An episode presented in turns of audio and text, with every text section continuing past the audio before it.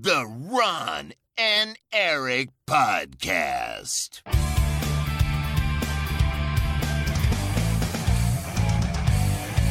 Double kill. Hallo en welkom bij de Ron en Erik podcast. De podcast van Ron en Erik over games. Dit is aflevering 463. Mijn naam is Erik Nusselder. Bij mij is zoals altijd Ron Forstemans.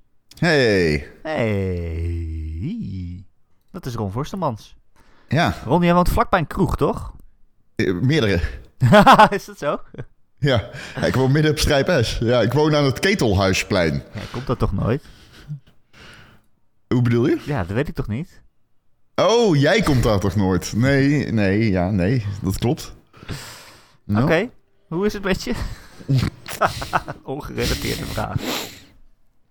Erik bedoelt, Ron heeft al wat... eh, het klopt. hey, Er luister. zit alcohol in mij. Het is een mooie za- zondige zondagmiddag. Hè? Ja, Dat kan zeker. gewoon? Ja. Ja, toen jij zei eh, dat je wilde podcast, of dat je eerder thuis was, zei ik, nou, dan gaan we nu podcasten. Dus ik kan gewoon meteen eh strompel vanuit de, vanuit de kroeg eh, mijn industriële lift in naar mijn verdieping. En het is echt 100 meter, denk ik. Maar het is ook een beetje En, andersom. Want toen jij, zei, toen jij zei, oh, ik zit al in de kroeg. Toen dacht ik wel, ja, ik moet wel eerder naar huis voordat hij echt te dronken is. Is dat echt zo? Voor een coherente podcast. Ik moet wel nu gaan Ja. eigenlijk. Ja, het is wel zo. Iedere keer als, ik, als wij voorspelletje doen en ik, en ik heb gedronken, meestal, spre- sp- meestal doen we dan na of voor PSV. Dan, ehm, ja, dan is het meestal wel eh, slecht voor mijn eh, uitkomst. Want ik ga Ja. deze week ook verliezen, deze maand. Weet je niet. Weet je In de. Patreon is dit, een. Patreon-podcast. Voor iedereen die het ook wil eh, meemaken. In de Patreon doen we elke maand. kijken we welke games er elke maand uitkomen. En dan voorspellen Ron en ik allebei het gemiddelde review scoren. En dan is er één winnaar. En als je wil Ja. weten wie er deze maand gewonnen heeft. Het is Erik. Dan moet je lid worden van onze Patreon. Patreon.com slash Ron en Erik. Eh, ik vind eh, het voorspelletje, sorry, voorspelletje, Het voorspelletje. wel, le- wel het Het leukst. is het voorspelletje. Omdat het Ja, voorspellen. sorry. Ja, omdat we het voorspellen. ja. Maar het is ook voordat al die games uitkomt. Dus misschien Ja, is het voorspel. van... Ja, Voor het spel uitkomt. ja, voor het spel uitkomt. Wauw, er zat er meer laag in dan ik dacht. Ja, ja wij zijn heel goed in dingen nee, nemen. Daarom hebben we... Ik kwam al met de goatee showty. Ja. Ja? Ja. ja. Is wat het is. Jij kwam met voorspelletje. Dat is de driedubbele banger van een naam. Hè? Driede, wat is de derde dubbele dan? Dus je hebt een voorspel, seks. Oh! voor het spel uitkomt. Ja, ja, ja. En het voorspellen. Eh, we voorspellen. Ja. Ja. En het is ook een spel. Wij spelen ook een spel. ja. Waarin wij tegen elkaar opnemen. ja, zeker. Dus eigenlijk is het vierdubbel. Ja, nou dan moet je wel Patreon-lid worden. Je moet sowieso Patreon worden. Maar ieder, iedere week een nieuwe podcast. Wat wil, wat wil je nog meer? Ja, dat weet ik niet. Min- minder podcast. anyway, eh, Ron, weet Ja. je waar wij het eens over moeten hebben in deze podcast? Voordat het weer een man ergens over gaat. Ja, we gaan het wel veel hebben over videogames. Voordat je het gaat zeggen, dan is dat alvast zeker. Maar goed, wa- wat wilde je zeggen? Ik wou zeggen Cyberpunk. Eh, Oh, Ja, het dat is ook een eh, videogame. Ja, ik wou inderdaad gewoon echt naar videogames gaan. Ja. jou, maar ik weet dat het jou verbaast. Ja, ja Je dacht dat ik nog mij wel. eh, over mijn moeder wou praten of zo. Maar... Nee, ik wou het echt over videogames hebben. Want eh, Cyberpunk 2077 kwam natuurlijk in 2020 uit. Toen was het een treinwrak van een game eh, die steeds instortte. Ja, En afgelopen week is een nieuwe update uitgekomen. Eh, de, de 2.0 update mag je wel zeggen. Die, die geldt gewoon voor de hele game. En eh een DLC is uitgekomen. Phantom Ja. Liberty. Ja.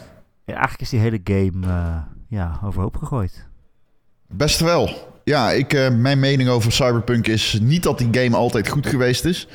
Vind ik niet. Ik Nee. vind dat die game eh, behoorlijk slecht was. Er zijn nog steeds dingen die ik niet goed vind aan die game. Met name het schrijfwerk.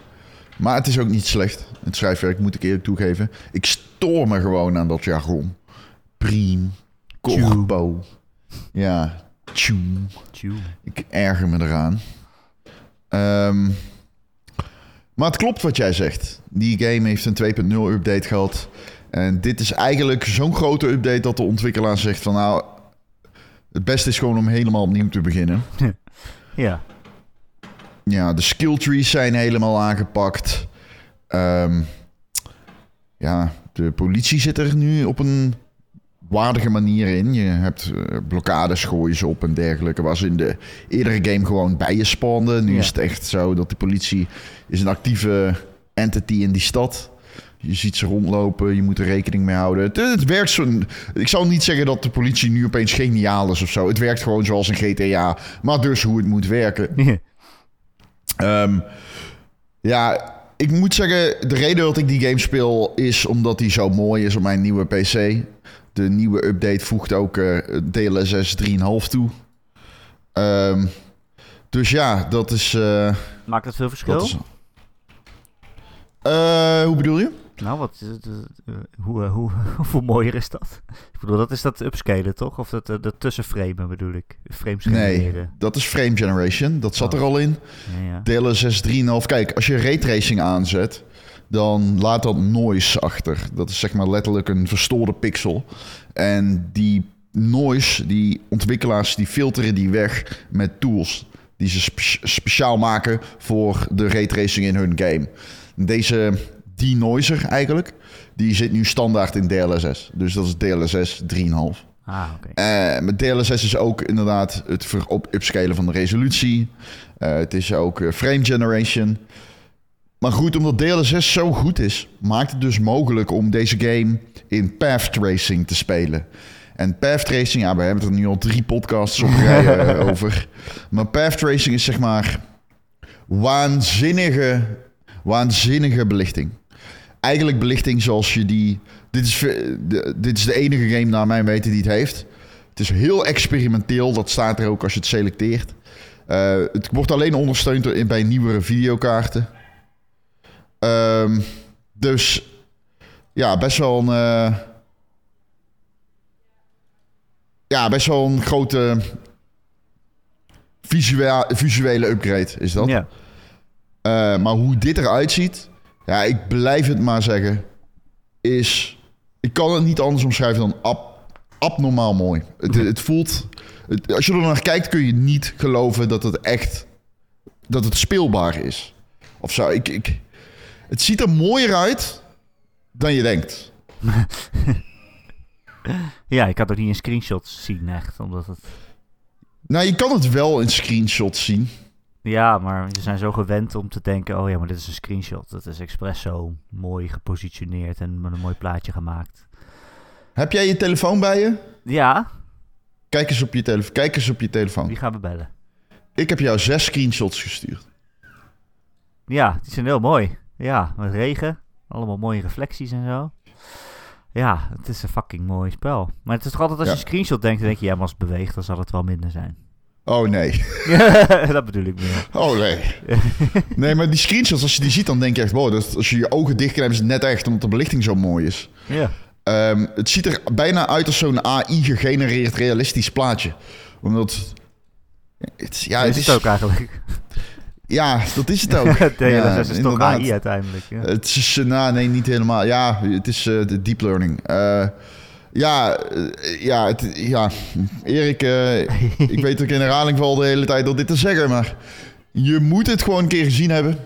Het is het echt waard om het een keer gezien te hebben. Gewoon om te weten van hoe mooi, wat is nou de, de, het onderste uit de kan op dit moment? Wat is er zeg maar mogelijk als je gewoon ongelimiteerde kracht in een videogame giet? En dan krijg je echt eh, ongelimiteerde, zei ik. Ja, ja, ja. Ik, Dat is wat dit is. Ja. Als jij hebt, nee, ik snap het. Maar als jij 4K 120 fps, dit, dit draait dus op 120 fps, Erik. Hè? ja. Dit in 4K op ultra met path tracing aan en alle toeters en bellen maxed out in eh, Psycho, zoals dat heet in die game. Psycho. Ja, het, ja, het is- het echt. Ja. eh Het is mooier dan het weet leven het, eigenlijk. val in herhaling. Ja, het is mooier dan het echte leven. Ja. Jammer dat die game dan niet zo leuk is. Oh, vind je dat? nou ja, wat- ja, wat jij zegt, dat vind ik toch altijd wel heel belangrijk in games. Het schrijfwerk en Oh. eh, het verhaal en weet ik veel wat. Ik bedoel, Mm. ja. het- Ja, ik begin er ik, echt ik te neem aan dat dat nog niet is opgelost. Dat het op het ene Jawel. moment is Keanu Reeves super boos op je. En dan ga je ergens zitten Oh, en dan die is manier. ineens van... Hallo, ik ben je beste vriend Keanu Reeves. Nee, eh, ik moet zeggen, dat is wel. eh, ik vind het wel. ik, ik begin er wel voor te vallen. Ja. Ja, Het komt gewoon omdat het zo mooi is. nee, nee, nee. Nee, het komt niet omdat het zo mooi is. Dat komt omdat die game veel beter is nu. Veel beter. Ja. Ja, het spel aan zich, zeg maar, hoe het speelt. Ja. Ja. Ja, want update 2.0 voegt echt wezenlijke... Dit is een veel betere RPG nu. Oh ja. Omdat je veel meer RPG-mechanics hebt. Maar het is ook een veel betere actiegame. Omdat je veel meer actie... Je kunt echt... Ik, ik heb een ninja ge- gemaakt. Ik kan kogels terugslaan. Ik kan op ieder moment in slow motion gaan. Ik ben extreem mobile. Ik, kan, eh, ik, kan, ik ga echt... Ik heb heel mijn talent tree zo gemaakt dat ik zeg maar maximale snelheid heb, maximale movability, double jump, air dash, eh double dash, onbeperkt stamina. En ze hebben zoveel aangepast in hoe die game speelt. Je, hebt bij, je kunt voor movement heb je nu geen stamina meer nodig. Buiten combat. Eh, je, eh, je, eh, je health regeneration is veel makkelijker. Je hoeft geen, zeg maar, je potions hè, om jezelf te healen. Die regeneraten automatisch. Je, ge- je ge- granaten regeneraten automatisch. Het is gewoon een veel beter spel. En het is super leuk om te spelen. Iedere keer als ik het speel, ik voel me zo sterk. En met mijn beeld kan ik dus echt op ieder moment de tijd vertragen en kogels terugslaan. En ik heb een, een blade gevonden die neon heeft op zijn lemmet, zeg maar. En het heeft een Scherp stuk, heet het. ja, scherpe stuk bedoel ik van het zwaard. dus kijk, ik heb wel eens gezegd over deze game. Ik betwijfel of het ooit een goede game gaat worden. Ik moet daarop terugkomen. Cyberpunk 2077 is fantastisch. het is op momenten fantastisch. Het is op momenten oké. Als je hem al hebt gekocht en je hebt hem destijds niet gespeeld, ik, als ik hem nu zou moeten recenseren, krijgt hij een hoog cijfer. Het is een hele goede game. Ik vermaak me ontzettend met het verhaal. Dat toch wel ehm, dingen doet. Zeker in de DLC, die fantastisch is zelfs. Ja, dat hoor ik wel, ja. Die DLC is eh, echt geweldig. Ik vind die zelf leuker, denk ik, dan de Witcher DLC. Huh? Nee, dat kan niet. Ja. Dat ja. kan niet. Wat het dus is, het is een soort van Brits spionnenverhaal. En het, is, het heeft heel veel plotwendingen en intriges. En het maakt op een hele leuke manier gebruik van de storyline. En het schijnt ook weer te vertakken naar een van de eindes. Volgens mij komen er twee nieuwe eindes bij. Oké, oké. Ehm, het basic verhaal wat al in de game zat, is hetzelfde gebleven naar ik weet. Dus als je gewoon de main game speelt zonder de DLC, speel je niet de momenten die je in de DLC zit vrij. Logisch, I guess. Ja. Maar ja, Cyberpunk is goed. Het is een goed spel. Zeg maar, als je Starfield... Als ik zou Starfield een 9 geven... Ik zou Cyberpunk ook een 9 geven. Oké, dat is hoog, ja. Ja, je, mensen weten, wij doen niet aan cijferinflatie. Er zijn natuurlijk eh, veel mensen die gewoon alles maar een 9 geven wat ze goed vinden. dat klopt. Er zijn heel veel mensen die geven zomaar een 9. ja. Nee, als ik de DLC erbij trek... en dat doe ik in dit geval dan... Ja. is deze game een 9. En wat ik vooral heel erg leuk vind aan de game... is hoe de RPG-mechanics verwikkeld zijn in de combat. Ik heb echt het gevoel dat ik een diepgaande actie-RPG aan het spelen ben. En dat had ik nooit eerder in, in Cyberpunk. Ik had altijd het gevoel dat die game een soort lapjeskat was. En nu, heb ik het idee, nu heeft die game focus. Alles maakt sens. Dus ze hebben gewoon de designfilosofie van The Witcher veel beter vertaald naar deze game. Het Nice. heeft focus. En dat is het grootste compliment dat ik die game kan geven. Want wat was het toch een ongefocuste bende. En ik weet dat er heel veel mensen zijn die zeggen... ja, nee, Cyberpunk is, Cyberpunk is altijd goed geweest. Nou, echt niet hoor. Ja, Cyberpunk als- is echt niet altijd goed Als je geweest. goed een 7 bedoelt misschien. Zelfs 7 zou ik het vroeger niet Niet geven, toen denk die uit- ik. net uit was, nee, zeker. Nee, nee, nee. Ehm, nee. Ehm, ja. Ik had die game wel niet opnieuw een kans gegeven als het niet zo mooi was geweest. maar ik ben blij dat ik het gedaan heb. En ik... eh, elke keer als ik het speel, zit ik met een glimlach te spelen. Betrap ik mezelf op. Omdat ik dus zo'n vette beeld heb. het is echt heel erg leuk om... eh, als ik zeg maar op twee keer op B druk... dan lanceer ik mezelf uit mijn rijdende auto... in slow motion... En vlieg ik air dashend met een katana op een groepje tegenstanders af. En kan ik mezelf in de grond slaan voor een area of effect attack. Dat soort shit is gewoon lid gek. Ik voel me gewoon een fucking baas als ik die game speel. Nice. En je hebt dus allemaal dingen die je toe kan voegen aan je personage... om bijvoorbeeld de bullet time langer te maken... of om te- je katana eh, sterker te maken. Je hebt, het voelt gewoon meer RPG en het gaat hand in hand. Dus eh, ja, ik wil het er uitgebreid even over hebben. Het voelt als een nieuw spel voor mij en ik ben er toch wel een beetje verliefd op. En dat, dat super mooie, hè, waar we het steeds over hebben, dat DLS, eh, S, eh, zoveel Ja. en zo. Is dat nou, Ja. Heb je daar nou alleen wat aan als je zeg maar de NASA-computer van Ron Forstemans hebt? Of is Nou. het ook gewoon voor de iets mindere zielen wel een upgrade? Zeker, ja. Maar luister, voor de duidelijkheid, dit zat er altijd al in. Ja, ja, ja, dus maar ik, ik, DLSS is... eh, het is nu nog mooier geworden, begrijp ik. Nee, niet per se. Path Tracing zat er ook al in. Het is wel beter gemaakt, maar voor de duidelijkheid, die game was al zo mooi. eh.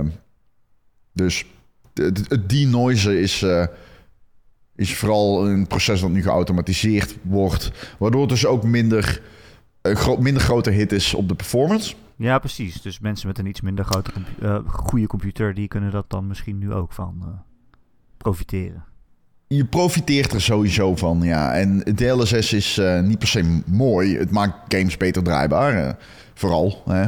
Dus zoiets als Path Tracing, met, daar heb je wel dus een 40-kaart voor nodig. Maar als jij een 4070 hebt, ik heb dan de, de, de 4090. Dus videokaart van eh, die destijds 2000 euro was.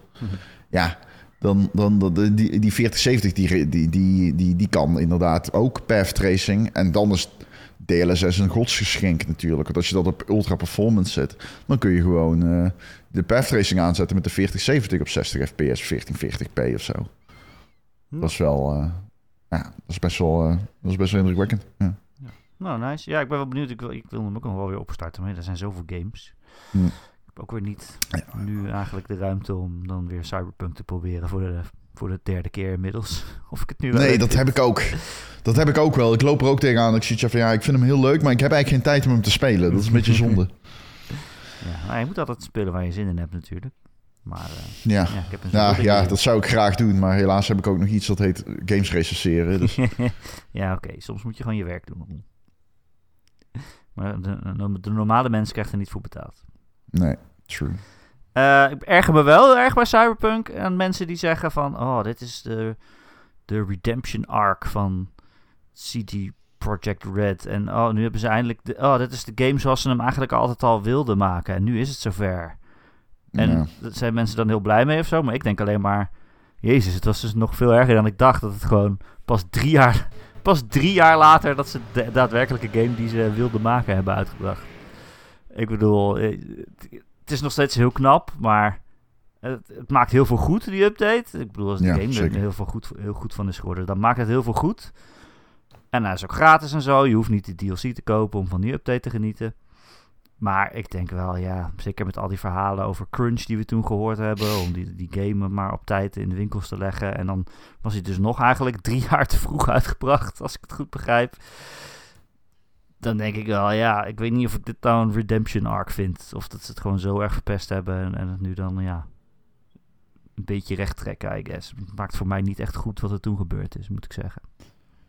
Nee, ik snap dat heel veel mensen blij zijn dat ze eindelijk die game kunnen spelen op een manier die Ja, dus sure. indrukwekkend is. En dat begrijp ik. Het, eh, eh, de- ik bedoel, ja, ik vind het niet ondenkbaar dat je het een redemption arc noemt. Voor mij is het wel zo. Je krijgt gewoon waarvoor je destijds betaald hebt. Ja, dat is het ook. Ja, het is nog steeds drie jaar geleden heb je die game gekocht en teleurgesteld geweest. Althans, heel veel mensen. Ja, En vergeet ook niet dat deze game inderdaad met crunch best wel wat... Ja, nou ja, goed. Ja, kijk, laat, laat ik het zo zeggen. Uiteindelijk is het eh, goed nieuws voor iedereen. Hè? Door die crunch-verhalen komen... Je merkte bij Microsoft, hè, in die leak toen... stond er ook iets over... van, Ja, kunnen die studio kunnen we niet echt kopen... want die hebben veel eh, negatieve pers rondom crunch. En dan denk je, oh, oké, dus het heeft wel nut om dat aan te halen, blijkbaar. Want hè, zodra wij erover schrijven... heeft het dus wel nut en effect en dat werkt. Dit is ook hoe het kan, hè? Ja, precies. Ja, het heeft wel effect. Ja. Ja. Maar goed, eh, Cyberpunk dus. Het eh, werkt. Het werkt. het werkt, conclusie. Eh, ik ben een andere game aan het spelen, Ron. Hmm. Namelijk... Spider-Man Mhm. 2. Dat was het, meer mag ik niet zeggen. Meer mag hij niet Dat was zeggen. het, Nee. Dat was het. Ja. Ik weet nog Nou, niet zo goed zeggen- wat, je daar, wat je daaraan hebt. Soms krijg je zo'n code voor een review eh, game en dan staat erbij... Zodra je deze code hebt ontvangen, mag je dat op social media zeggen dat je hem hebt. En dan, denk ik, dan kijk ik op, op social media en dan zijn er allemaal mensen die het dan zeggen. Ik heb hem! En dan denk ik, ja, moet ik dat nu ook nog zeggen? Wat, wat hebben mensen daaraan? Wat hebben mensen daaraan? Ja, dus, eh, dit, is, dit is dus hoe dat werkt eh, tegenwoordig. Omdat er zoveel influencers zijn die ook games recenseren.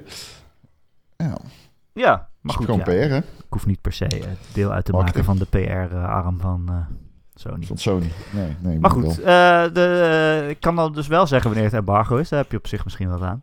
Embargo is op maandag 16 oktober om 4 uur. Vier uur, maar dat is niet wanneer de podcast uitkomt, normaal. Nee, dan wel. Dan wel. Nee, dan stellen we Oké. de podcast eh 7 uur uit.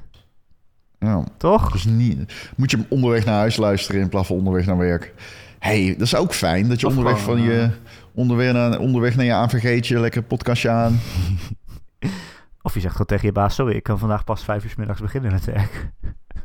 De podcast is later. Oh, dat is ook leuk, ja. Zullen we zo'n brief doen, zoals eh, heel uniek is bij, eh, als een game lanceert, weet je wel? Dat- Beste baas. zo- beste baas, ik heb helaas last van chronische tune. Dus ik kan niet. Ik heb niet genoeg eddies om naar werk te ik heb komen. niet genoeg Eddie's tune. dus ik kan niet naar de corpo. ik kan niet naar de corpo voor, om Eddie's te, te, te, te barkies. En de Eddie's voor de, voor de, ba- voor de bosso. De, de head tune. De head Wauw, tune. Je bent echt cool. Je bent veel cooler Ja, dan ik dacht eigenlijk. Ja, ik schrijf, ik, ik schrijf tegenwoordig ook games. Tune. Oh ja, nou, meer mag ik niet zeggen. Vond je het leuk? Vond je het leuk nieuws? Een leuk segment dit van de podcast? Ja, ik heb dus besloten om die game eh, niet te spelen totdat ik hem op de PC kan spelen. Leuk hè? Oh, ook leuk Zo, hoe lang zou dat duren? Hoe lang zou dat duren, denk jij? Eh, weet ik niet. Hoe lang duurt het meestal met Sony games? Best wel lang, toch? Volgens mij... Weet je wat bizar is? Ik zat eens gisteren te denken. Ik had dat zo helemaal bedacht. Zo. Ik, zat, ik zat zo naar mijn lijstje te kijken met games. En er stond zo, ah, games die ik nog wil spelen dit jaar. Weet je, Alan Wake, Super Mario Wonder. Alan Wake 2 bedoel ik. En, ehm, dus ik... en toen zet ik er zo Spider-Man 2 bij. En toen dacht ik, die haal ik weg. En toen dacht ik, wow, dat voelt goed. Ik hoef die niet te spelen. En toen, en, en toen bedacht ik me, wow, wat als ik wacht een jaar totdat die op de PC komt? Ik was helemaal blij, omdat ik dacht, oh, ik, niet- ik kan een jaar wachten. Ik hoef hem niet meteen te spelen. Ik, Kan, zo, je kan oh, hem, maar, wat, maar wat als je hem wel speelt, Ron? ik had gewoon, meen ik echt gisteren, ik werd gewoon blij en ik kreeg zin in een moment dat ik kon zeggen, en nu ga ik Spider-Man 2 spelen. Ik keek daar naar uit om hem een jaar lang uit te stellen. dat is hoe mijn brein werkt. Och, Eh, ja, ik weet niet of die al binnen een jaar uitkomt. Ik bedoel, ze hebben net aangekondigd dat Forbidden West Horizon, die komt begin volgend jaar, volgens mij, naar PC. Ja, dus ik denk dat ik hem Dat in eind, twee jaar? 2000, eind 2014, denk ik dat die... eh 2024, sorry. Eind 2024 denk ik dat die eh, naar de PC komt. Een jaar. Ja, ja, ja.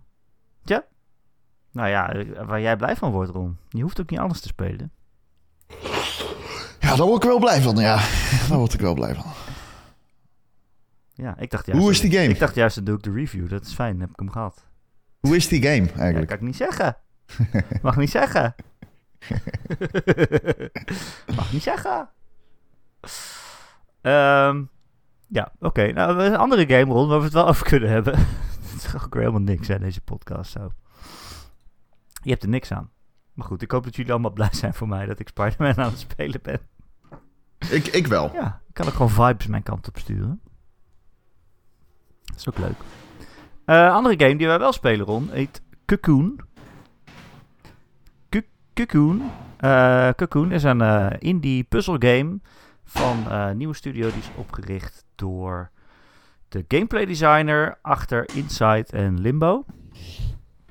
Dat zeg ik goed, toch? Volgens mij klopt dat. Ja. Gameplay designer, ja. En het is een eh, puzzelgame. En die is afgelopen week uitgekomen. Uitgegeven door de Annapurna indie, indie machine. En hij staat ook op Game Pass. En ik ben eigenlijk... Schenk ondertussen net- wijn in. Wat zei je? Oh. Oké, Moest je horen, wa- wat is, is- Ron aan het plassen? Nee. ja, ook. Nee, maar vertel, sorry. ook. Eh, hij is afgelopen week uitgekomen. Het is, eh, hij krijgt hele hoge cijfers. En toen dacht ik toch, oh, gaan we toch maar even spelen.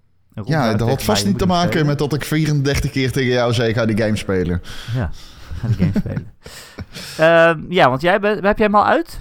Ja, ja. Wow. Hij Ja, duurt maar vijf uur. Oh, oké, dat is kort. Ja. Vertel Ron, waar, ga- waar gaat het over? Ehm, dit, ik ben verliefd op dit spel. Het is zo geweldig. Het is echt fantastisch. Ehm, het is inderdaad gemaakt door de gameplay designer van Limbo en Inside. Ehm, ik heb ook wel de indruk dat je dat een beetje terugziet. Maar de gameplay is heel anders. Het is oeh, niet uit te leggen. Je moet het echt spelen om het te, snappen, denk ik. Maar laat ik het proberen. Dus in die game, eh, de meeste mechanics focussen zich rond ballen. Dat zijn een soort glazen knikkers. En die kun je slepen. Wat is er allemaal? Wat Wat is je daar nou weer mee? Nee, ga verder. Dat is wat het is. ja, ik snap het. Ja, kan er ook niks aan doen. Ja, je hebt dus allemaal ballen. Erik. Ja, vind je leuk? Allemaal ja, ballen. Ja. Man heeft letterlijk de humor van een 14-jarige. Mooi hè? Dan vind ik al die, eh, die, die games ook zo mooi over tieners. Dinosaurus en zo. Maar hoe moet ik dit uitleggen, man? Oké, dus je hebt... Hm, hoe ga ik dit uit? Dus je hebt... Stel je voor, je bent een level aan het doen. En je komt een bal tegen. En je kunt die bal met je meenemen. Maar soms kun je die bal ergens plaatsen. En dan ga je in de bal. En dat is een nieuwe wereld. En vervolgens kom je in die wereld een nieuwe bal tegen. En dat is ook weer een wereld. Lang verhaal kort, de wereld is een bal. Iedere wereld is een bal in deze game. En je gaat steeds in en uit een bal, in en uit werelden. En zo meta is die hele game. Dus soms heb je een bal in een bal in een bal. En dat is dus een level in een level in een level.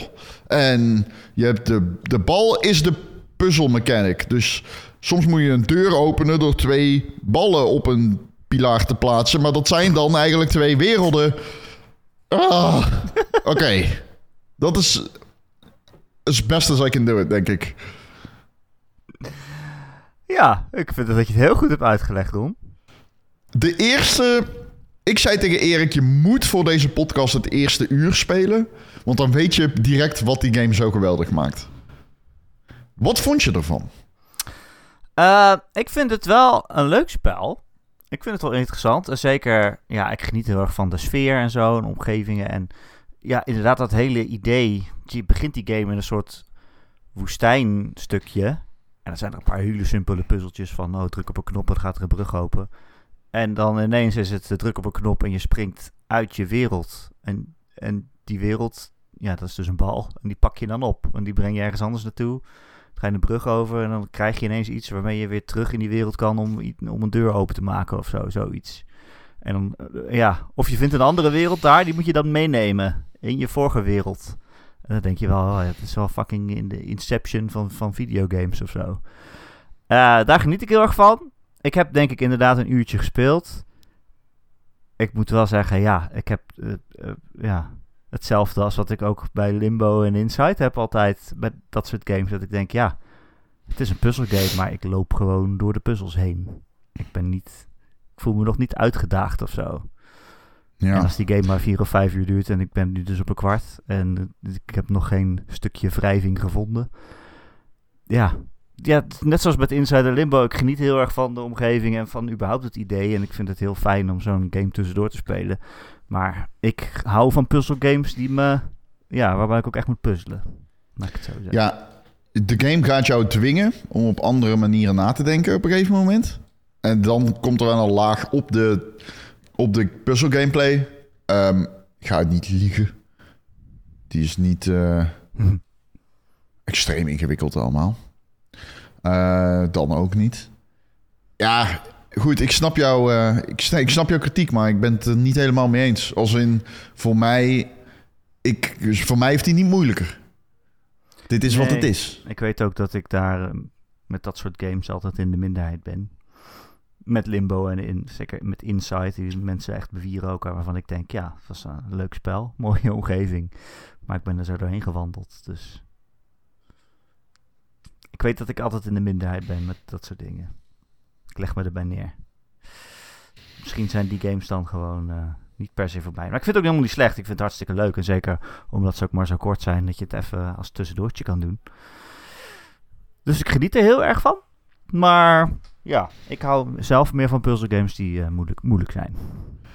Ja, ik, sna- ik, sna- ik bedoel, eh, het is ons sowieso, vind ik dat je het goed uitlegt. Dus ik bedoel, eh, geheel fair. Ehm, ik wil wel tegen iedereen zeggen, als je on the fence bent om deze game te gaan spelen, als je niet zeker weet, zo van... De het is ook een kracht van die game, in zekere zin. Omdat je dus... Je loopt er inderdaad doorheen. Eh, Het is zeg maar kort, maar ook heel dense. Da- Er zit heel veel afwisseling in. Ook Ja. qua, eh, qua mechanics, die wisselen elkaar echt een rap tempo af. Eh, het is heel mooi. Het is echt super mooi. Het klinkt fantastisch. Luister, speel Cocoon. Het is Ja. mega bijzonder. Het oogt en klinkt subliem. Deze game gaat in mega veel GOTY-lijstjes komen. Dat garandeer ik. De- deze game ga je niet snel vergeten. Dit is zo'n titel, als het klikt, dan gaat deze in je top 25 beste games ooit gemaakt. Holy shit. Ooit gemaakt? Ja, ik, ik ben echt ehm, niet... Kijk, ik, ik speel te veel games. Dus bij mij maakt nauwelijks een game kans om in een lijstje te komen. Maar Cocoon is wel echt heel bijzonder. Ik heb echt, als ik dat speel, dan voel ik me slim. Maar ook, ik heb nog nooit zoiets gespeeld. Dus het is een nieuwe blik op gameplay mechanics. En dat kan ik sowieso altijd enorm waarderen. Maar dit is wel zo'n game, ja, als het klikt... Zeg maar, als dit je eerste puzzelgame is, dan, dan, dan is dit echt een van de all-time greats voor je gevoel, denk ik. Omdat het zo dense is en er zit zoveel in. En als je door die levels gaat, het is zoveel variatie in korte tijd. Als je door die levels gaat, is er geen moment dat je je verveelt. En dat vind ik wel heel sterk aan een puzzelgame. Ja, en ik, ik raad hem ook zeker niet af hoor. Want ik, dat, jij zegt, dat, dat, dat gevoel heb ik ook heel erg. Maar dat had ik ook toen ik Inside speelde. Zo van, oh ja, weet je, zo kan je ook een game maken. Dat doen niet veel mensen op die manier. Dat, ja, er zit echt weer iets, iets nieuws in. Wat je eigenlijk nog nooit gezien hebt. Dat is natuurlijk wel heel erg knap. Heel erg knap. En ehm, ja, wat ik zeg, heel bijzonder. Ik, eh, ik wil het ook niet te veel verklappen, maar de puzzels zijn super meta. En wat ik al zeg, het klinkt in ook subliem. Dus ehm, ja, deze dit, die, die ga je niet snel vergeten. En echt, ik denk echt dat die heel hoog gaat komen in uh, GOTY-lijstjes. Wauw, zelfs in dit jaar? Ja, dat denk ik wel. Ik, eh, heel veel indies didn't make the cut, zeg maar. Maar deze, die is wel... eh, die is daar bijzonder genoeg voor. Dat denk ik echt. Ik... eh, iedere game die dit ook gaat doen, is meteen een cocoon-like. Want dit is nog nooit op deze manier gedaan. Dus dat maakt het wel... Ja, echt op zichzelf staand. En is het dan ook als ik nu, want ik ga het zeker nog verder spelen, maar als ik nu verder ga spelen, dat er steeds weer lager bovenop komen? Ja, dus ja, je, je krijgt er echt bal in bal. Ik weet niet of je dat, dat al hebt. Ik heb al eens een bal in een bal, ja. Dat heb ik al. En ja, nou, dat, dat, dat krijg je. Op een gegeven moment krijg je... Nou ja, Bal, je krijgt bal, meer, bal. ja. Je krijgt meer. Ik moet wel zeggen, het is goed dat hij maar vijf uur is. Oké. Dus ja. op, een gegeven moment, op een gegeven moment kun je niet meer... Ja, weet je al. Ik merk nu al dat puzzels... Ehm, zeg maar, ik, ik, ik, toen ik hem uitspeelde, merkte ik al dat puzzels tamelijk... Ja, je kunt het maar zo vaak doen voordat het hetzelfde is, weet je Ja, wel? ja. Dus op een gegeven moment ben je gewoon klaar qua dingen bedenken. Ja, dan ben je uitgebald. Precies, dat. Richting het einde had ik wel heel erg door. Dan leerden ze, dan leerden ze je iets nieuws. En dan had ik meteen door van... Oké, dan moet ik nu hier gaan gebruiken. En dan deed, dit doe je dan zeven keer achter elkaar, weet je wel. Alleen op een gegeven moment kwam er niks nieuws meer. Dus dan is het het rehashen van de oude puzzle mechanics. Maar dat was dan een half uurtje. Ja, ja. prima. Ik merk ook wel erg tijdens het spelen van dit soort games dat ik dan... Heel, ik zelf ben dan heel erg verpest door Tunic. Die, dat, is natuurlijk zo'n game die mijn hart heel erg heeft, heeft gestolen. Was het vorig jaar of jaar Mhm. daarvoor? Mhm. 22. Ja. Dat ik nu ook zo- eigenlijk zo rondloop in zo'n zo'n puzzelwereld. En dan zie ik... Dan zie je allemaal steentjes op de grond leggen en dan ben, liggen. En dan ben ik echt gaan denken... Oh, zit hier een patroon achter? Wat is, de, wat is hier de betekenis van? Maar ja, zo diep gaat het dan natuurlijk niet. Nee, Dus eh, daar- daar ben ik een beetje door verpest nog steeds. nee. ja, het is zo jammer dat ik tuning nooit leuk vond. Ja, zeker jammer. Kijk, eh, nee, die game eh, ik kwam niet door die... Ik vond die combat echt verschrikkelijk eigenlijk, Ja, als ik erover terugdenk. Dat is een beetje... Ja, combat was niet het sterkste, nee. Nee, er zat in zo'n bossfight in. Toen heb ik hem gewoon op easy gezet. En dacht ik echt, ja, dit is echt eh, Ja, zo klaar mee. Ehm, waar moeten we het nog meer over hebben? Eh, we kunnen het even hebben over een andere game die ik heb uitgespeeld. Cocoon. Oh ja, ja. Mortal Kombat! Mortal Kombat 1. Heb je hem uit? Ehm, ja, de singleplayer. Er zit ook een invasions modus in. Dat is een soort van... eh, ja, en dan, dan, dan kun je een character kiezen en de invasions modus mee, mee spelen. En als je dat doet, dan heb je ook eindes per character die uitleggen wat er zeg maar, aan het einde van de verhaallijn eh, gebeurt met welk personage. Ehm, ja, gaan we het er even over hebben, denk ik, hè? de storyline. ja? Ik zal het niet spoilen. Ik wil het wel hebben over het einde natuurlijk. Want eh, dit is natuurlijk een zeer verhalend spel. Je speelt het er waarschijnlijk ook voor het verhaal. Dus... ehm, Echt? Doen mensen dat? Ik dacht dat mensen fighters speelden om tegen elkaar te vechten alleen maar. eh, ik niet. Nee. Ik niet. Nee, ik niet. Dus ik speel echt Mortal Kombat voor de verhaallijn. Volgens mij wel de meeste mensen... Echt? Oh. Ja, je hebt natuurlijk wel hardcore mensen die game online spelen. Want het zijn er minder dan die de singleplayer gaan spelen. oh. Lijkt mij. Ehm, bij Mortal Kombat specifiek. Hè? Het zal niet gaan opgaan voor Street Fighter. Nee, precies. Dat, daar, daar denk ik dan natuurlijk aan. Dat je tegen Ja. een koelkast moet vechten. Ja, precies. Ja, tegen een Roomba. Eh, Eh, dus ehm, in Mortal Kombat 1... ehm, mo- nee, in Mortal Kombat 11 aan het einde... versla je eh Chronica, de Keeper of Time. En is Liu Kang is de ehm, god van vuur en ijs. En ook de Keeper of Time. En ehm, hij, is eigenlijk, hij heeft eigenlijk zoiets van... ja, Chronica die was geobsedeerd met het in balans houden van goed en slecht. Zo van 50-50. En eh, die experimenteerde erop los en die zocht naar de golden balance. eh, tussen goed en kwaad. En in ehm Mortal Kombat 1 heeft Liu Kang eigenlijk besloten van... we beginnen gewoon helemaal opnieuw. En ik probeer alles in toom te houden. Het is aan de mensheid om vrede te bewaren. Nu denk je van, oh, weet vast wel waar dat heen gaat. Op een gegeven moment eh, lukt dat niet. Ja, een soort van... ehm, er is inmenging. Op een gegeven moment in de golden balance. Nou, het is niet de golden balance. In de, in de timeline is er inmeng- inmenging. En ehm, ja, dan ontvouwt zich het plot. En dus ik hou heel erg van Mortal Kombat. Dat, ik, ik, ik, ik, ik ken de lore eh, vrij goed. Deze game heeft eh, heel veel lore. Het is weer echt genieten geblazen qua eh, verhaalvertelling. Ik vind het echt een eh, heel sterk...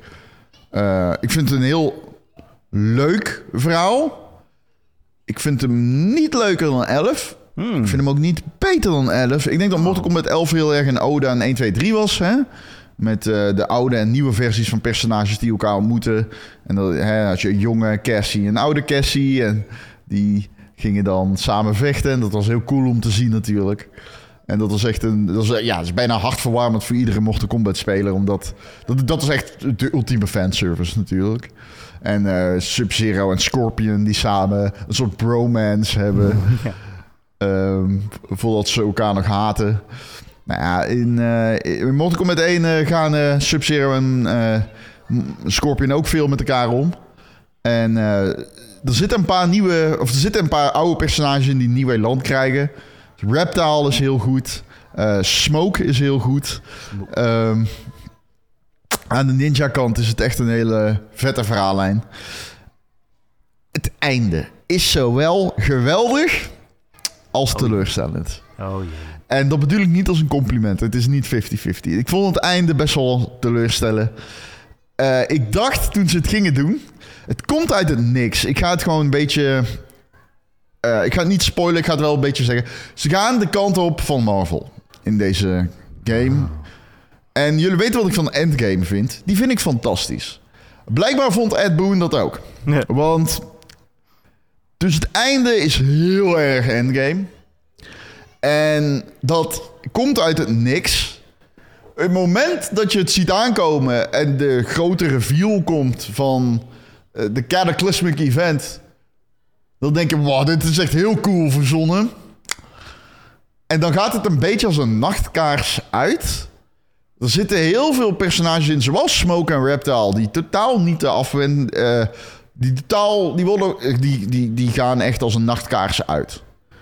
En eh, je kunt dan die verhaallijnen oppikken in de Invasions mode. En dan zie je iets meer wat er aan de hand is. Maar het laat zoveel dingen open-ended. En er zijn zoveel dingen die niet beantwoord zijn aan het onderaan de streep. Dat je na het uitspelen van die game een beetje. Ja, het is, je, je staart zo naar je scherm en je denkt: oké, ja, heb ik ervan genoten? Zeker. Eh, heb ik ook veel vragen? Zeker. Ehm, eh, hebben ze alle potentie die werd opgebouwd Nee. van het verhaal? Nee. Nee, en, maar is het zeg maar de potentie die het duidelijk had, bij sommige personages zeker, is die dan benut ook niet echt. Hm. Ehm, dus ik wil niet super cynisch zijn erover. Het is niet slecht.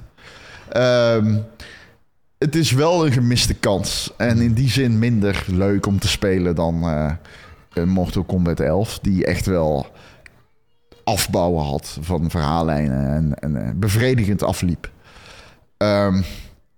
Eh, er zitten ook een paar. eh, je hebt dan vier acts verdeeld in. eh, volgens mij zijn er in totaal vier, 15 chapters. Dus dat, of 16. Dus je hebt dan vier per act ongeveer.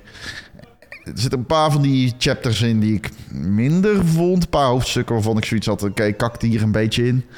Ehm, maar ja, het is wel weer een nieuwe timeline. Dus je kunt er vers in. Ehm, en ja, ik blijf erbij die Mortal Kombat games. Dat zijn eigenlijk van die games. Als ik ooit niet weet wat je moet spelen, moet je gewoon meteen Mortal Kombat 11 gaan spelen. Of 10.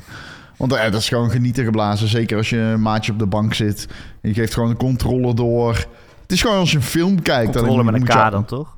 Ja, controle met de K, ja. Het is alsof je een film kijkt met de C. En dan af en toe dan geef je de controller door. Dat is eigenlijk hoe je Mortal Kombat uh, de singleplayer speelt. Ehm, ja, het, voelt minder fleshed out verder als game. Ik bedoel, er zit geen crypt meer in. Ehm, online gameplay. eh, ik, ik ga het nog wel doen, maar ja, het is niet per se mijn, eh mijn ehm, om die game heel lang online te gaan spelen. Ik heb er ook geen tijd voor, dus... Ja, er moeten andere dingen gespeeld worden. En ik, ik heb niet de indruk dat ik hier lang blijf hangen. Maar ik, ik- ja, ik ben wel blij dat ik hem heb gespeeld. Eh, maar ik raad hem niet eh, zo warm aan als ik uh, mocht Kombat 11 aan kon raden. Gewoon omdat het voor mij voelt als een ja, minder, eh, minder pakket. Het is gewoon een... Het totaalpakket is minder eh, goed. Maar ik vind ook... eh, ik vind de singleplayer... eh hoewel ik er erg van heb genoten. Niet, eh, niet fantastisch. De- de- deze game is een 7. Oké. Eh, ik vraag me dan ook heel erg af of hier daarna, hierna dan gewoon Mortal Kombat 2 komt, zeg maar. Hmm. Ik vind het altijd wel, ja, het is altijd zo'n marketing ding, zo- zo'n langlopende serie begint dan opnieuw, begint weer bij één. En dan is het oh, spannend, alles is weer nieuw. en We beginnen weer helemaal- van, van vooraf aan. En iedereen kan hier instappen. En dat is één keer een hele goede marketing push. En dan daarna, de volgende game, ja, heb je gewoon weer Mortal Kombat 2 dan. En dan denk je toch, Ja. ja, dat valt toch een beetje tegen dan. Ja, klopt. En eh, ze, ze hebben... De, Mortal Kombat, eh, zeker de laatste paar, die werken echt in trilogie. Hè? Dus je hebt 1911. Dit is duidelijk de nieuwe... Dit is duidelijk de nieuwe vorm. Nieuwe zeg maar, van de nieuwe verhaallijn, ja. En ze eindigen ook... Je, er zit een eh post-credit scène in. Ja, het is echt Marvel. er zit een post-credit scène in, die is... er, zit- er komt een personage daarin, zeg maar, die de volgende delen een grote rol op zich gaat nemen. Het is niet Chang Sung. Chang Sung. Ehm, en ik had daar heel erg van, oh, maar dat is geen personage, denk ik, waar heel veel fans... Kijk, Chronica was nieuw. Die hadden ze geschreven voor die game, Ja. voor 11. En Chronica is fantastisch, weet je wel. Dat is echt een geweldig personage. Zij heeft een duidelijke...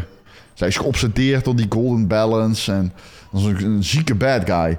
De nieuwe die in 2 gaat komen is eh, geen zieke bad guy. Dat is eh, een personage waar heel weinig mensen iets van weten. Ik, heb- ja, ik, eh, ook dat gaat als een nachtkaars uit, die postcredits zijn. En zo van, oh, deze is de bad guy, maar... Ik denk dat de meeste mensen niet eens weten wie het is. Ehm, Oké. deze game refereert ook heel vaak echt gewoon naar Deadly Alliance. Ehm, gewoon echt, ze zeggen het woord een paar keer. Waar. There's a new Deadly Alliance, zegt, eh, zegt Lao op een gegeven moment. En dan denk je, ja, oké, fair. Ehm, dus dat is op zich, ja, het is, ja. Deze gaat wel duidelijk... De, de, de- dit is duidelijk het eerste beginpunt van een nieuwe trilogie. En eh, qua mechanics is dan de cameo. Ik moet er... Oh, dat wil ik wel zeggen. Het is de best spelende Mortal Kombat van de vier. Dat is ook wat waard. Oh. Oké. Ja. Met die zeg cameo, maar, die, eh, die, ja. eh, Ja, personages ja. die jou kunnen helpen, zeg maar. Ja, dus het is de best spelende, want die personages, dat is leuk. M- moet wel zeggen, ik vind het, air juggelen wat in die game gebeurt tamelijk prominent vergeleken met 11. Dus af en toe ben je gewoon aan het wachten tot je de grond raakt en dat je weer verder kunt. Ehm, Dus dat is dan ook weer een minpunt. Ehm, maar qua, qua gewoon hoe het speelt en hoe toegankelijk het is, is het de beste. Ja. Eh, we hadden ook een vraag van Marky Mark, Ron, voor jou. Heb je die Ja. gezien? Nee. Oh, die heeft namelijk een Mortal Kombat lore vraag. Hoe rankt Ron de Mortal Kombat films en series? Oeh. Heb je een ranking? Hij heeft er zeven genoemd. Ja, Ik weet niet of je alles echt gezien hebt. ik denk wel dat ik ze uit mijn hoofd ken. Een geanimeerde film uit 1995. The Journey ja, Begins. Journey Begins. Ja. Jaren 90 tekenfilmserie. Defenders of Eh. the Realm. Ja, ja, ja, ja. De jaren 90 tv-serie Conquest. Oh, Conquest, ja. Met een K. Nee, met een C. Nee, met een K. Met een K. Conquest met een K. De oorspronkelijke Weet films. Mortal Kombat en, Anni- en Annihilation. Ah, ik heb hier de post. Ja, Mortal Kombat and Annihilation. Ja. De Gritty webserie Legacy. De nieuwe film uit 2021. eh, de geanimeerde films vanaf 2020. Scorpions Best. Oké, wat, wat het beste is... De geanimeerde films. Ja? Die zijn het beste. Ja, ja zeker Scorpion's Revenge. Eh, de- de- want die gaat om, om Scorpion. Ehm, en Scorpion is het beste personage. Ooit. Hm. Dus ik zou zeggen, eh, geanimeerde films. Dan zou ik zeggen de oorspronkelijke film, maar dan wel één. Ja. Mortal Kombat 1 zou ik dan zeggen. Vanwege gewoon, het, die shit is fantastisch. Zo jaren 90. Iedereen weet waarom. Dan op drie zou ik waarschijnlijk zeggen... eh, zou ik dan de nieuwe film zeggen? Ik vond die wel leuk. Ja, ik ga dan toch zeggen Mortal Kombat 2, omdat die zo slecht is. Annihil- Annihilation is dat. Eh, dan ga ik zeggen de nieuwe film. Dan zou ik Legacy erin zetten. En eh, ja, die jaren 90 shit kan mij gestolen worden. Die, die echt, eh, die series. Eh, die Journey Begins heb ik eh, volgens mij nooit gezien. Ik weet dat die bestaat. Nice. Nou, we dat ook weer opgelost. Ja. Ehm, moeten we nog meer behandelen in deze podcast? Oh ja, ik was ook nog iets aan het spelen, Ron. Ja, vertel. We hebben het de hele tijd over eh, al die games die tussen, tussen alles invallen. Zeker indie games zijn daar toch wel slachtoffer van. Ja, je, komt, je hebt dan niet genoeg tijd voor al die AAA-games. En ga dan nog maar eens een indie game spelen tussendoor. Maar bij Cocoon is het ons dus gelukt. En ik probeer toch ook een beetje de backlog bij te houden. En ik ben nu met Oxenfree 2 bezig. Eh het vervolg op Oxenfree. eh, de toch wel gevierde soort van creepy... Ja, is het horror? Ja. In ieder geval creepy, eh, verhalende indie game. Het eerste deel ging over uh, een stel tieners die op een eiland uh, naar een eiland afreizen. En daar zijn allemaal rare dingen aan de hand met uh, radiofrequenties. Waren ze met hun radio aan het klooien. En toen waren er een soort van aliens die namen dan iedereen's lichaam over en zo. En dat was allemaal heel vreemd. Hm. En nu is het tijd voor Oxenfree 2. En dan denk je, ah, het is nu tijd voor de volgende stap in dit. En ik ben benieuwd wat ze ervan gemaakt hebben. En wat ze eigenlijk gemaakt hebben is, uh, ja, weer Oxenfree. Voor mijn gevoel. Het is eigenlijk, ja, ik wil niet zeggen een één op één kopie natuurlijk. Want het is wel een heel nieuw, nieuwe game en een nieuw verhaal. Maar het voelt wel zo erg hetzelfde. Dat ik denk, ja, wat is nou precies de toegevoegde waarde? Um, maar goed, dat het zo weer hetzelfde is, betekent ook dat het weer een heel leuk spel is. Je speelt weer als iemand die uh, op uh, een eiland is. Niet dat eiland uh, uit Oxenfree 1, maar wel daarnaast. Dus je hebt wel met hetzelfde verhaal te maken en dezelfde lore, die is hier ook nog van toepassing. En mensen weten wat er toen gebeurd is en zo. En er gaan allemaal verhalen over en, en, mythes en dat soort dingen. maar je speelt nu niet als tieners, maar als, volgens mij moeten we het dertigers voorstellen. Je speelt een vrouw die is net terug naar huis verhuisd. Naar eigenlijk een leven waarin ze niet precies weet wat ze met haar leven aan moet. En allemaal losse baantjes heeft gedaan en een beetje over de wereld heeft gezworven. En nu is ze weer terug naar huis gegaan en heeft ze een baantje aangenomen op dat eiland. Als iemand die uh, transmitters moet neerzetten. Omdat ze metingen gaan doen op dat eiland. Waar dus in Oxenfree 1 zo'n rare, weirde ramp is gebeurd. maar goed, het gaat natuurlijk al meteen mis. En dat vind ik deze game toch wel weer heel erg goed doen. Dat heel erg onderhuidse creepy gevoel van, oh, wat is hier aan de hand? Al heel snel spoelt de tijd de hele tijd terug en dan moet je bepaalde scènes weer opnieuw spelen. Maar jouw personage weet dat ze een soort van in een tijdlus vastzit. Uh, ja, dat zijn toch wel altijd elementen waar ik heel erg van hou.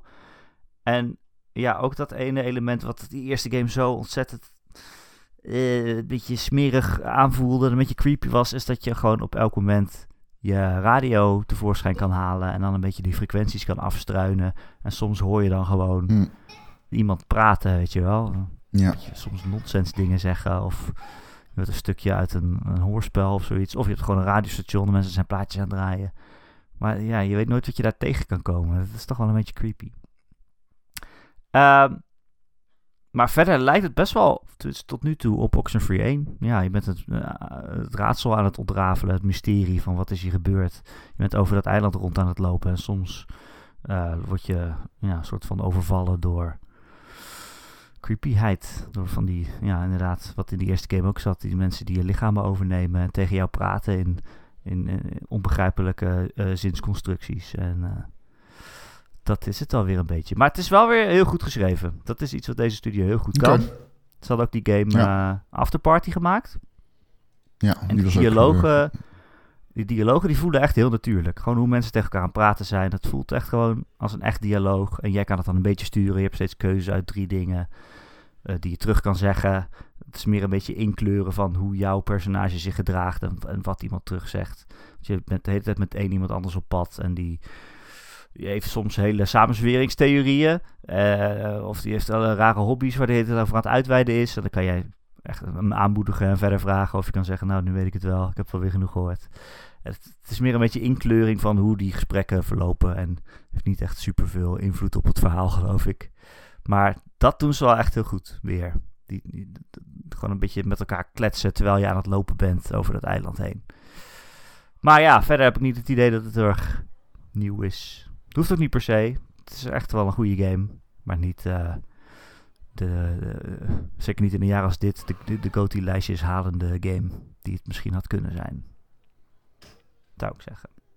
Maar goed, hij, hij staat dus eh, gratis op eh, Netflix. Hè? Als je een Netflix-abonnement hebt, dan kun je deze op je eh, smartphone spelen of op je tablet. Zo doe ik het ook. Dan heb ik er niet voor hoeven betalen.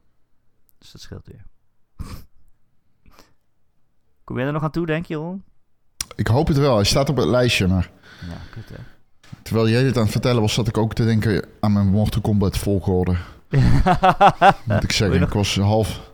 Wil je nog wijzigingen maken? Ja, ik denk toch dat eh, ik eh, Legends van de eerste plek afhaal. En dat ik de speelfilm, de allereerste, toch, eh, toch op één zet. Ik was ook wel verbaasd. Je bent altijd zo vol van de Mortal Kombat 1 film. Ja, zeker die scène tussen Johnny Cage, Cage en Scorpion. Dat is, dat is echt geweldig. In de, die begint in dat bos en dan worden ze naar die stombe geteleporteerd. En dan ontploft Scorpions hoofd. Ja. Nee, ik heb me bedacht. Ja, ik bedacht me ook dat volgens mij die tekenfilms... En dat geldt volgens mij ook voor Conquest, dat is die tv-serie. Volgens mij zit daar geen geweld in. Volgens mij zijn die allemaal Nee. PG. Oh, Ja. waarom zou je het dan doen? Ja. ja, kinderen, hè? IP naar kinderen. tillen, Ja. hè? Gaan ons super gewelddadige IP eh, alvast aan kinderen voeren voor als ze volwassen zijn. Ja. Ja, goed idee. Maar Eh, nee, eh, zeker zin in. Absoluut in ehm, eh, de, de, hoe heet het? Uh. Oxenfree 2. Ja, ik, staat zeker op een lijstje. Ik baalde, ik was toen... ehm eh, je noemde hem net al. Ik ben even die drank, hoe heet die ook? Ehm, Die drank. die drinkgame in de hel. Ehm Afterparty. After Party. Was ik aan het spelen en toen werd hij van Game Pass gehaald. Oh, echt zat waar? ik echt net in. Ja, ik zat echt... ik was... eh, zeg maar, ik was denk ik op 20% en toen vond ik hem echt leuk. En toen werd hij opeens van Game Pass gehaald. Eh, ah. Ja. Maar goed, ik heb hem gekocht toen. Maar ik moet er nog steeds eh, een keer eh, aan toe komen. Ja, maar daarom zou ik dit soort spellen ook altijd leuk blijven vinden. Gewoon die gesprekken en hoe ze met elkaar praten. Het is echt gewoon alsof ze het in één keer zo hebben ingesproken. Ik weet niet hoe ze dat doen met die acteurs en hoe ze dat schrijven, maar het voelt helemaal niet gescript of zo. Ja, Ehm, ben je nog meer aan het spelen, Ron? Ik heb Counter-Strike 2 gespeeld. Oh ja, god, die is ook nog uit. Ja, Ja. sorry. Ja. nee, nee. Sorry. Ja, die heb ik ook nog gespeeld. Ja, eh, surprise release eigenlijk, soort van. Er werd dan naar gehint. En ze had natuurlijk al eerder gezegd dat die deze zomer uit zou komen. Counter-Strike 2. Eh, een update voor eh, CSGO is het. Dus die game bestaat gewoon niet meer, I guess.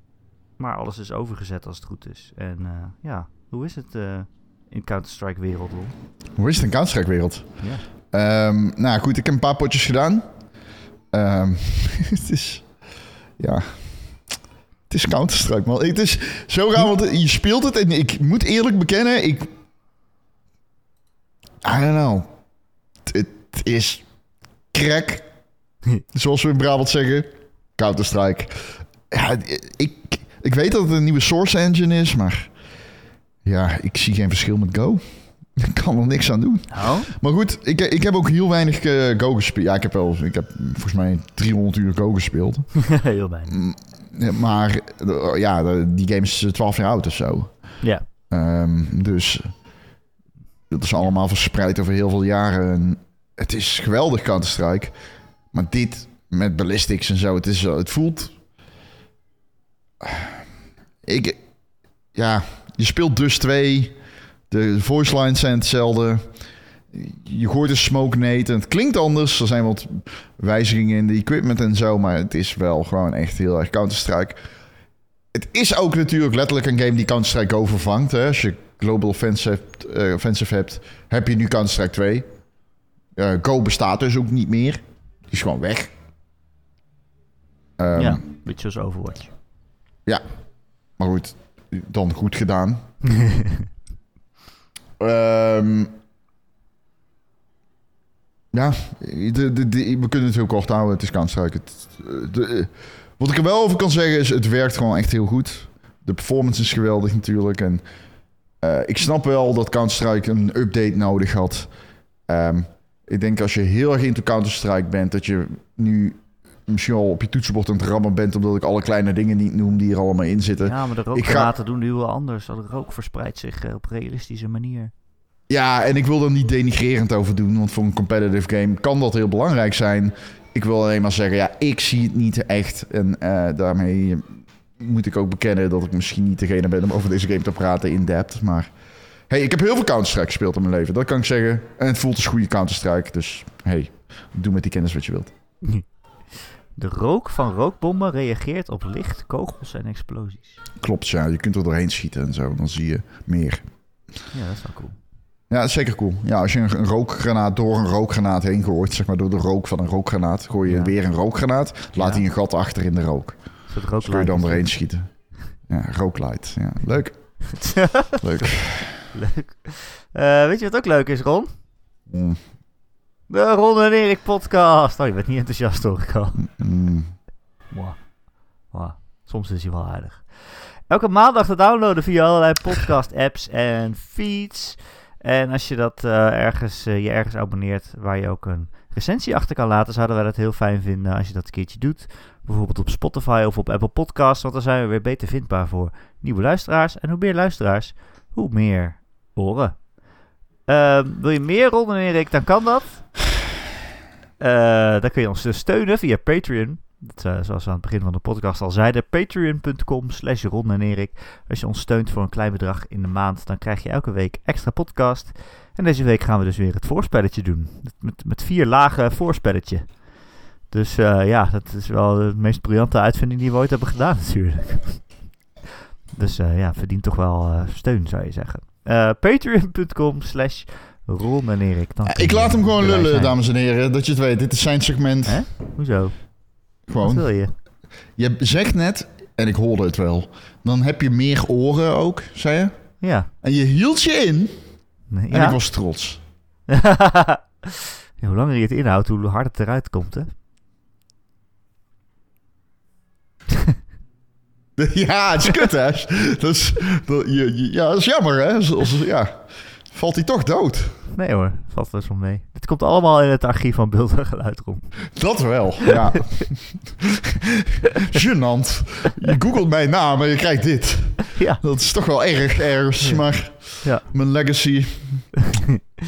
Eh, vanaf een bepaald bedrag in de maand word je ook vriend van de show. En dan verdien je een dikke, dikke shout-out. En dat zijn deze week Betje Fris, Bobby, Christian, Dozen Faces, Grekio, Heisenberg 190, Marky Mark, Mr. Mime, Raoul, RDK for Life, Recreator, The Rock, The Killing Bean, Wesley D, Tijn en zijn vrouw en Tijns minnares. ja, ik lees het maar gewoon voor. Ik weet het. Ja. Ehm, dank jullie wel allemaal voor de steun. Eh, heb je geen geld aan ons te geven? Geen probleem.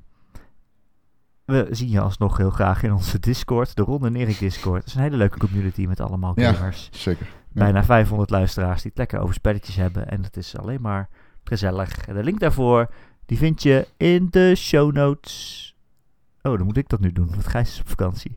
Dat ben jij, ja. Weet je hoe dat moet? Nee, ik heb geen idee. De link van deze. Discord vind je in de show notes van vorige week. ik, ik tag mezelf vast in. Anyway. Oh ja, en volg ons ook op Instagram en TikTok. Ron en Erik. Ron.n.erik. Puntjes ertussen. Zo makkelijk kan het zijn. Ja. Ron, eh, dankjewel weer. Nee, jij bedankt. En we gaan eh, naar het voorspelletje. Ja, ik heb er echt zin in. Ik ben heel benieuwd. Ja, ja. Het is oktober, hè? Dat is wel een maand, hoor, hé. Ja, dat is ja, de maand dat alle games uitkomen. Nee, zeker. We moeten echt 16 games voorspellen, denk ik. Nee, absoluut. Dus dat gaan we nu gauw doen. Ehm, en de rest allemaal bedankt voor het luisteren. Tot de volgende week. Tot volgende week.